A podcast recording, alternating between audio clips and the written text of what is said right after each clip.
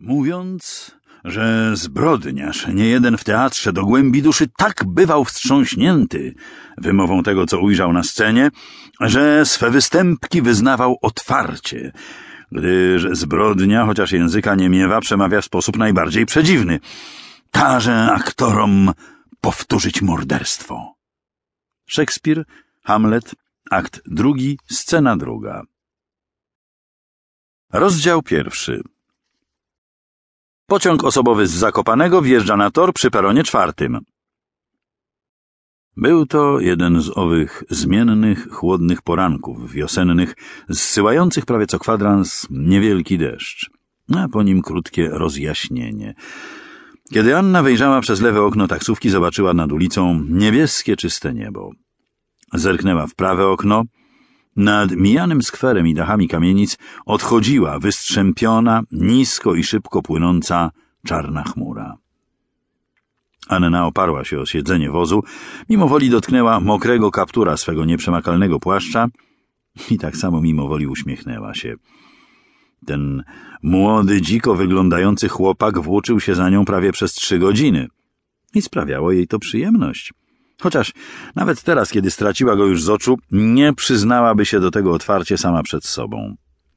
Uśmiech zniknął z jej twarzy równie szybko, jak się pojawił. Idiotko! powiedziała do siebie szeptem tak cicho, żeby kierowca nie mógł jej usłyszeć. To nie będzie łatwy dzień. Przymknęła oczy i dodała w myśli. Nie, na pewno nie będzie. To może być nawet najtrudniejszy dzień w twoim życiu. Wóz zakręcił ostro. Uniosła powieki. Przed nią była niska, pękata hala dworca głównego. Anna spojrzała na zegarek. Za dziesięć dziesiąta. Nie musiała się zanadto spieszyć. Pociąg z Zakopanego wjedzie dopiero za dwanaście minut. Zapłaciła taksówkarzowi i szybko wbiegła po stopniach prowadzących do hali. Rozejrzała się. Przy kasach stały kilkunastoosobowe kolejki po bilety. Przecięła halę na ukos i zatrzymała się przed jednym z automatów sprzedających peronówki. Szukając w torebce dwuzłotówki, spojrzała w lusterko wbudowane pośrodku automatu. Zobaczyła w nim zmęczoną twarz bez uśmiechu, zaciśnięte usta i oczy pełne niepokoju. Odruchowo poprawiła wymykające się spod kaptura kosmyki jasnych włosów i wyprostowała się. A potem lekko i ze zniecierpliwieniem uderzyła palcami w tarczę automatu. Dopiero wtedy zauważyła, że w drugiej dłoni trzyma ciągle jeszcze dwuzłotówkę.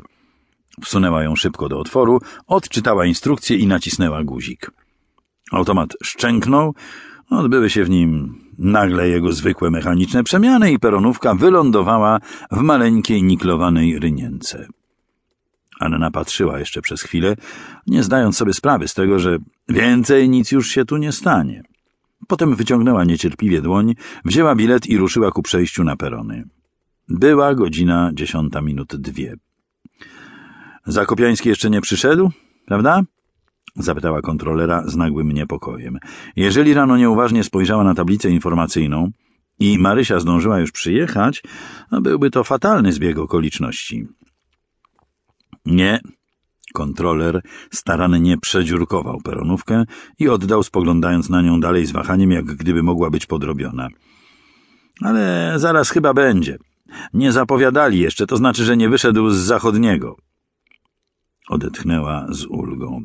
W tej samej chwili megafon dworcowy obwieścił ostrym, skrzekliwym, kobiecym głosem.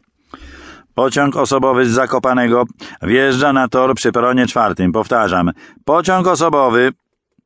Anna przyspieszyła kroku, wychodząc z hali. Ale pociągu jeszcze nie było i zatrzymała się pod słupem najbliższej latarni zdyszana.